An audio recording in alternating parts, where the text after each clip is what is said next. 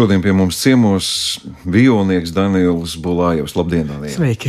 Es atzīšos, ka es jau ļoti, ļoti sen gribēju satikties ar jums uh, studijā, jo nu, bieži negadās tomēr ar violniekiem runāt, un, un man ir ļoti daudz lietas, ko gribētos izrunāt, varbūt tādas tīri profesionāls, bet uh, klausītājiem būs interesanti arī zināt par jūsu uh, dzīvesveidu šobrīd, un ja jūs tagad nākot studiju teicāt, ka tikko no Singapūras, Pastāv, ko jūs darījāt Singapūrā? Jā, es tikko svētdien atlidoju no, no Singapūras. Man tur bija mm, starptautisks konkurss.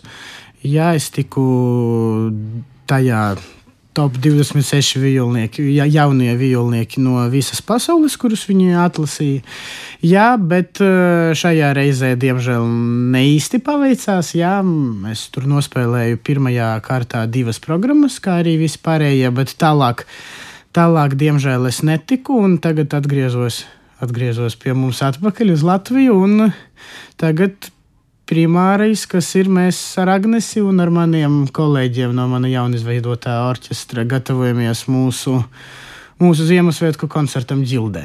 Ar Agnesi Egliņu. Ja? Jā, jā. Pianisti. Uh, Daniel, ko spēlējāt Singapūrā? Kas, ka, un kas ir tie violnieki, kas šobrīd ir pasaulē, ar kuriem tad jūs konkurējāt no kādām zemēm? Tieši šajā konkursā bija, bija ļoti interesanti, jo bija kopā 26, jā, 26 mm. violnieki, un no kuriem 18 uh, bija no Āzijas. Jā, un mm. tikai, tikai 8 bija no Eiropas. Jā, tas bija diezgan, diez, diezgan interesanti. Jā, un pirmajā kārtā Bija divas programmas. Pirmajā programmā, kā jau standarts, tas bija Baha visa sonāte, violī solo, kā arī Izaī sonāte. Un otrajā kārtā es spēlēju Beethovena 7. sonāti, Kreislera reštatīvu un skerco violī solo, un arī um, Henrija Viņavska variācijas par oriģinālu tēmu. Un otrajā kārtā man vajadzēja spēlēt Viņavska Fausta fantāziju, ko mēs ar uh, Agnes Egliņu spēlēsim tieši tieši šajā mūsu koncertā. Un kas bija ļoti patīkami, ka paveicās tur uh, pirmo reizi sadarboties ar mūsu arī ar, ar pianisti, kurš mācījās arī dārziņos ar Jevgeniju Sinaiski. Jā, mēs pirmo, pirmo reizi mēs ar viņu iepazināmies, man šķiet, ka Rīgā, kad viņam bija ar um, violnieku Gluzmanu koncerts Lielajā ģildē. Jā, un tad arī tagad paveicās ar viņu pirmo reizi sadarboties Singapūrā tālāk, bija bišķiņ pa tālu no, no valsts, kurā, mēs, kurā es tagad mācos, kurā viņš mācījies. Un uh, es esmu ārkārtīgi priecīgs, ka mums sanāca izveidot labu kontaktu un uh, ļoti forši muzicēt ar viņu skatu. Nu, koncertu meistars ļoti grūti tomēr atrast. Jūs tā uzreiz ātri atrodat kopīgu valodu ar daudziem koncertu meistariem. Uh, tieši šajā reizē ar, ar Jevgeniju mums ļoti ātri izveidojies kontakts, gan uh, sapratne mūzikā, jā, kopīga. Arī Vispār pagaidām nevaru teikt, ka bija ļoti grūti ar kaut kuru no maniem kolēģiem, pianistiem, izveidot kontaktu. Jā, es pārsvarā Latvijā. Uh, mēs ar Agnesi daudz, daudz spēlējām pēdējo divu gadu laikā, ja nešaubos. Ar, ar Agnesi muzicēt ir vienkārši viens prieks, jā, un kad viņa, kad viņa piedāvā savas idejas skandarbos, kad es kaut ko piedāvāju no savas puses un to visu likt kopā un ar viņu ar viņu vienkārši runāt. Tas ir, tas ir gan ļoti pozitīvi, gan mājīgi, gan fantastiski no profesionālās ziņas. Jā, un arī mans pianists Maksims Staņķis, ar kuru mēs arī daudz kameru mūziku spēlējām pēdējā laikā. Kaut kā veicās man ar pianistiem.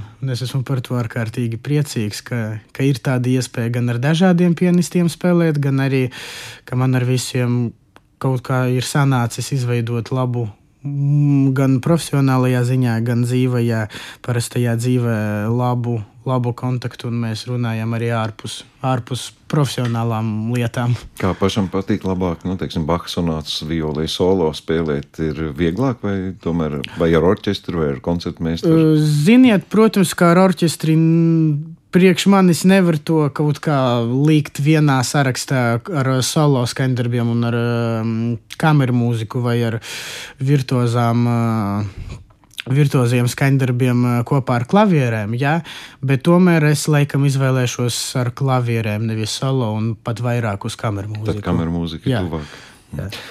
Es vēl pavisam īsi minēju, daudz izpildītāju no Āzijas. Nu, to jau pēdējos gados diezgan daudz runā. Ne tikai vijolnieki, bet arī pianisti, kā nāk no Ķīnas. Daudz, ar ko atšķirās Āzijas muziķi?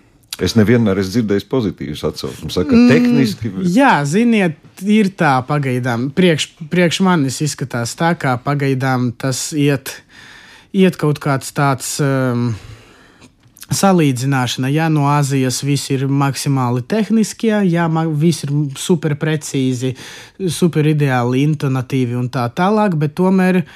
Pa kā pagaidām es to redzēju, ka no Eiropas mūziķi tomēr vairāk paņem ar, ar muzikalitāti, ar, jū, ar, ar jūtu pasauli mūzikā, un tad jāiet tāda. Tāda pretestība. Tās baumas jā. Viens, jā, un uh, mums no Eiropas va vairāk mēs visu. Visu to lielo akcentu mūzikā liekam tomēr ne uz, ne uz tehniskajām lietām. Protams, ka tas ir primāri vissvarīgākais, bet mēs arī ļoti daudz ko ieliekam tieši tajā mūzikā, ko priekš manis varbūt no Āzijas ne tik ļoti to dara. Mm. Labi. Es ļoti gribētu, lai jūs pastāstītu par savu orķestri. Daudziem tas bija pārsteigums. Kā, nu, esam pieraduši, jūs jau no bērna kājas daudz muzicējat solo, un pēkšņi ir orķestris. Tad, nu, liekas, ah, redz, nu jā, Gidons Kremers izveidoja, bet krietni vēlākos gados savu orķestri. Kā, kā radās ideja par šo orķestri? Uh, ideja jau bija kādu, kādu laiciņu. Man šī ideja sēdēja galvā, jā, un, um, un es līdz pēdējām domāju, vai vai riskēt un kaut kā to visu mēģināt uzbūvēt vai neriskēt, bet tomēr, tomēr man aprīlī palika 18 gadi, un laikam arī tas ir tāda neliela dāvana paš, pa, pašam sev, jā, uz pilngadību. Nezinu, protams, tas ir e, iedvesmas moments no Gidona Kremera, no Spivakova, jā, kuriem ir savie fantastiskie kameru orķestri, un ar, ar abiem man bija iespēja muzicēt. Un, jā, es sapratu, ka tomēr riskēšu, tomēr mēģināšu to visu uzbūvēt, jau no tādu ģimeni.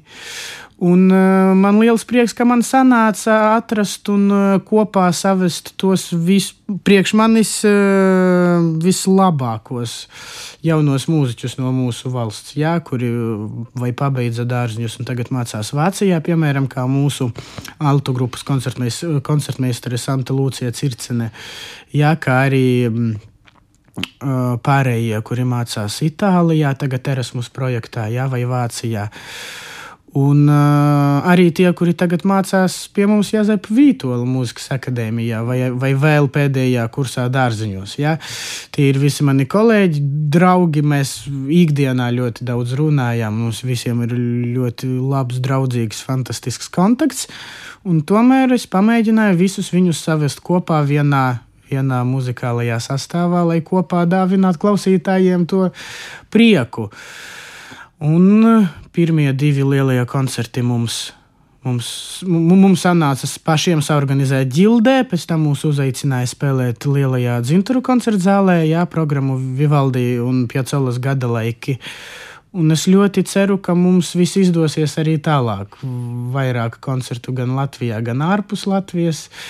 Un uh, ir diezgan lielie plāni, kurus ļoti gribētos dzīva, jā, lai viņi notiktu. Jā, mums ir, eh, mēs gribētu uztaisīt koncertūri 23. gadā pa Latvijas pilsētām un pa Latvijas uh, pazīstamākajiem koncertzālēm. Un uh, skatīsimies, cerēsim. Cerēsim, Bet nav sarežģīti tomēr savākt kopā. Nu, katram ir savs. Protams, protams, ka ir grūti, jo vairāki spēlē nacionālajā orķestrī, jā, piemēram. Tur mums trīs cilvēki mācās ārzemēs, jā, un vajag to, lai vi, gribās, lai visi tiktu, un nevienam es pagaidām no šī sastāva neredzu. Es neredzu nevienu cilvēku, kurš varētu neatnākt un būtu tāpat labi. Jā, tā kā, tā kā mēs arī mazs sastāvs, mēs esam, mēs esam 16 cilvēki, katram ir ļoti liela loma šajā orķestrī. Sakarā ar to centīsimies to visu organizēt un cerēsim, ka mums viss sanāks. Tas gan arī to var saukt gan par orķestri, gan par ansambli, jo Jā, kā, kā protams. kremerata arī ir ļoti īpaša to, ka nu, bez diriģenta muzicēt, nu, tur jābūt ļoti lielai Jā. sajūtai. Jā, jā, un arī, piemēram, šajos tieši, kur bija viss vis orķestris pilnā sastāvā, mums bija tā, ka mums pirmajās uh, koncerta daļās bija kameru mūzika. Jā, piemēram, ģildē. Uh, pirmajā daļā mums bija Čekovska sekstets, uh, kuru ļoti, ļoti sen nebija spēlēts mūsu valstī. Un arī mm, dzinturu koncerta zālē mums bija Mendelsona oktets. Jā, mēs parunājām un izvēlējāmies diezgan grūtus kameru mūzikas skandarbus, kuri vēl arī diezgan ilgi nebija spēlēti pie mums. Jā, un arī. Um, ja neņemt vērā tieši šos divus lielos koncertus, mēs spēlējām. Mums, bija diezgan daudz programmas, kur nebija viss sastāvs, bet vienkārši kur es aicināju dažus mūziķus no sastāvā, un mēs spēlējām kameru mūziku. Jā, piemēram, mums novembrī bija viens koncerts, kur mm, es spēlēju ar um, Evgeniju Troško, kur ir uh, otrajās vijolēs violnieces ar Santu Lūciju Circeni un ar Maksimu Skibitski. Ja? Mums bija koncerts, no mums gribēja tieši, tieši stīgas, ja? un mēs izveidojām programmu, kā Viņu tā neoficiāli varētu nosaukt par stīgu kvarteta uzbūvi. Ja? Pirmajā daļā mēs nospēlējām duetus divām violēm, violei un altam, violei un čellam. Otrajā daļā mēs nospēlējām stīgu kvartetu. Ja? Arī mēs radio klasikā ar um, pianistu Maksimu Taņičevu un um, Andriju Jagorovu, Klintu Kluci un to pašu Maksimu Skibitski. Mēs ierakstījām Vainberga kvintu, klavieru kvintetu, un jā, diezgan daudz mēs nepilnā sastāvā, bet tieši kameru mūzikā muzicējam. Uh, Daniel, es uh, teikšu, kā no malas izskatās, un daudz arī to runā muzeķi, ka nu, ir pierasts, ka klasiskā mūzika tomēr aicina skatītājus. Bieži vien tie ir tādi nobrieduši cilvēki, vecāki gadagājumi.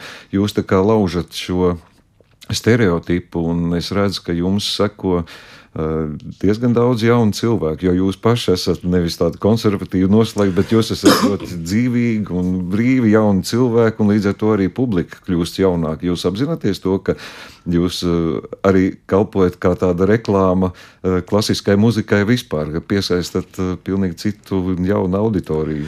Jā, mēs, mē, mēs tieši par to ar manu komandu un maniem tie, pat kolēģiem no orķestra runājām. Un, um, Tas arī grib, gribējās, lai tā būtu, jo, protams, diemžēl uz klasisko mūziku neiet tik daudz jaunu cilvēku. Ja?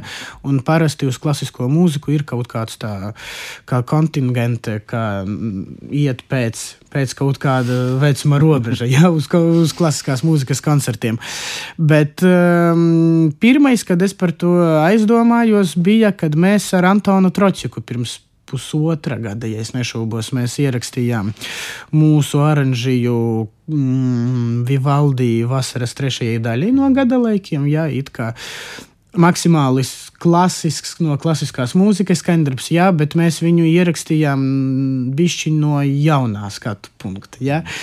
Un uh, tad pirmo reizi es iedomājos par to, lai kaut kā starp klasisko, caur, caur klasisko mūziku mm, parādīt jauniem, gan mūziķiem, gan vienkārši jauniem cilvēkiem, maniem pusauģiem, ka tas, ka tas nav garlaicīgi. Ja? Jo, diemžēl, kad dzird klasisko mūziku, iet galvā vai Mocards vai Beethovens, un iet galvā, ka tas, nu, tas nekā interesanta vienkārši. Nu, Sēž mūziķi, spēlē, ja nekas tāds tur labāk uz kaut kādu roku, roku koncertu aiziet. Ja? Bet nē, tas nav tas nav tā, kā viņi domā, ka tas nav interesanti. Jā, un ja pašam klausoties mm, to klasisko mūziku, mēģināt visu to saprast un visam tam vienam skandarbam iziet arī ar savu dvēseli, ar savu galvu, ar savām ausīm, tad tas, manuprāt, pat ir vēl interesantāk nekā vienkārši aiziet to pašu roka koncertu. Jā?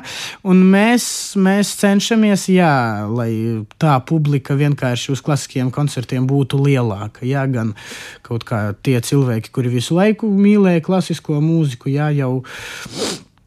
pēc kaut kāda jā, tā vecuma robeža, gan arī, lai jaunie cilvēki ietu, viņiem tas būtu interesanti un lai mēs piesaistītu to jauno mūsdienu publiku arī. Jūs kādreiz varbūt būtu gatavs riskēt, nu, piemēram, pasaulē mums zinām, tur vai Naidžels Kenedijs, kas arī nu, diezgan ekstrēmi pieiet nu, tiem pašiem Vivaldi gada laikiem klāt, vai tomēr jūs paliksiet tādā vairāk klasiskās mūzikas? Nē, es domāju, ka es palikšu vairāk klasiskajā mūzikā, jā, bez ne ar tik lielu lielu aiziešanu no tiem pamatiem klasiskajā mūzikā. Jā, bet arī es, piemēram, ar mūsu duetu ar Antonu Trociku, mēs tikko kaut ko jaunu ierakstījām. Jā, mēs ļoti ceram, ka drīz tas izies. Un tas vispār nav klasisks skaņdarbs. Jā, es vairāk varbūt censtos apvienot uh, klasisko mūziku un nedaudz kaut kad. Uh, aiziet no klasiskās mūzikas, piemēram, kā to Dagamba uztaisīja, ja, ka viņa klasisko mūziku pārvērš par kaut ko pilnībā citu. Un varbūt kaut kad reti var aiziet ja, no klasiskās mūzikas un paspēlēt kaut ko citu lai arī piesaistītu to jauno publiku. Ja? Bet tā kā apvienot tieši vienā klasisko mūziku un kaut ko citu, to es baidos, ka tomēr nē. Nu, labi, skaidrs. jo gribās atstāt tās tomēr divas, divas paralēlas. Mm. Labi, par koncertu Lielajā ģildē 26. decembris, ko spēlēsiet? Pirmajā daļā mums ar Agnesi būs duets. Mēs divi tā nospēlēsim Brāmsa otro sonāti violi un klavierēm, un arī to Viņavska Fausta fantāziju. Un otrajā daļā. Es, kad uzrakstīju Agnesei par to Ziemassvētku koncertu, mēs ilgi domājām programmu, jo tomēr Ziemassvētki un tomēr tai programmai kaut kā jāsaskan ar eh, gaišiem svētkiem. Jā. Un eh, paldies milzīgs Agnes Egliņai, kur mani kaut kā noturēja rokās, jā, ka, es, ka nav nenormāli, nenormāli liela, grūta un uh, ilgstoša programma, bet tā, lai tas tieši piestāvētu Ziemassvētkiem. Un otrajā daļā mēs nospēlēsim Dvoržaka klavieru kvintetu Lā mažorā, kurš arī diezgan sen, mēs ar Agnesi to sapratām mēģinājumā, ka diezgan sen nebija spēlēts.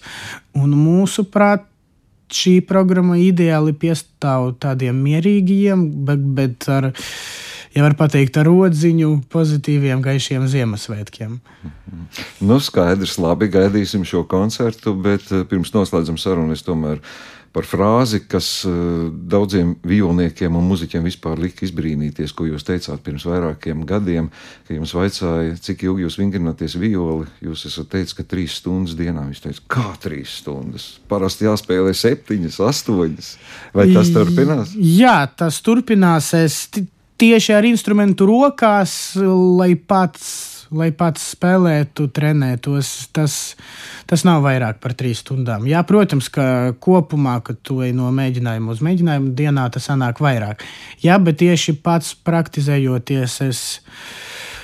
Jā, es, apmēram tās trīs stundas joprojām ir, bet arī ir liels darbs bez instrumenta rokās. Ja, kad tev ir notis, ka tu klausies, ka tu meklē jaunos skandarbus, ka tu, piemēram, ar savu programmu, tu, tu viņu mācies bez instrumenta. Tu viņu klausies, tu domā, skaties ar partitūrām, ko vēl varētu tur vai izdomāt, vai atrast, ko tu nepamanīji spēlējot. Ja? Un, manuprāt, tas arī ir diezgan līdzsvarīga, ļoti, ļoti vajadzīga un ļoti svarīga daļa no visas praktizēšanas. Ja? Jo stāvēt un tehniski atstrādāt, vai me, tehniski atstrādāt kaut kādas pasāžas, ja? vai meklēt skaņu.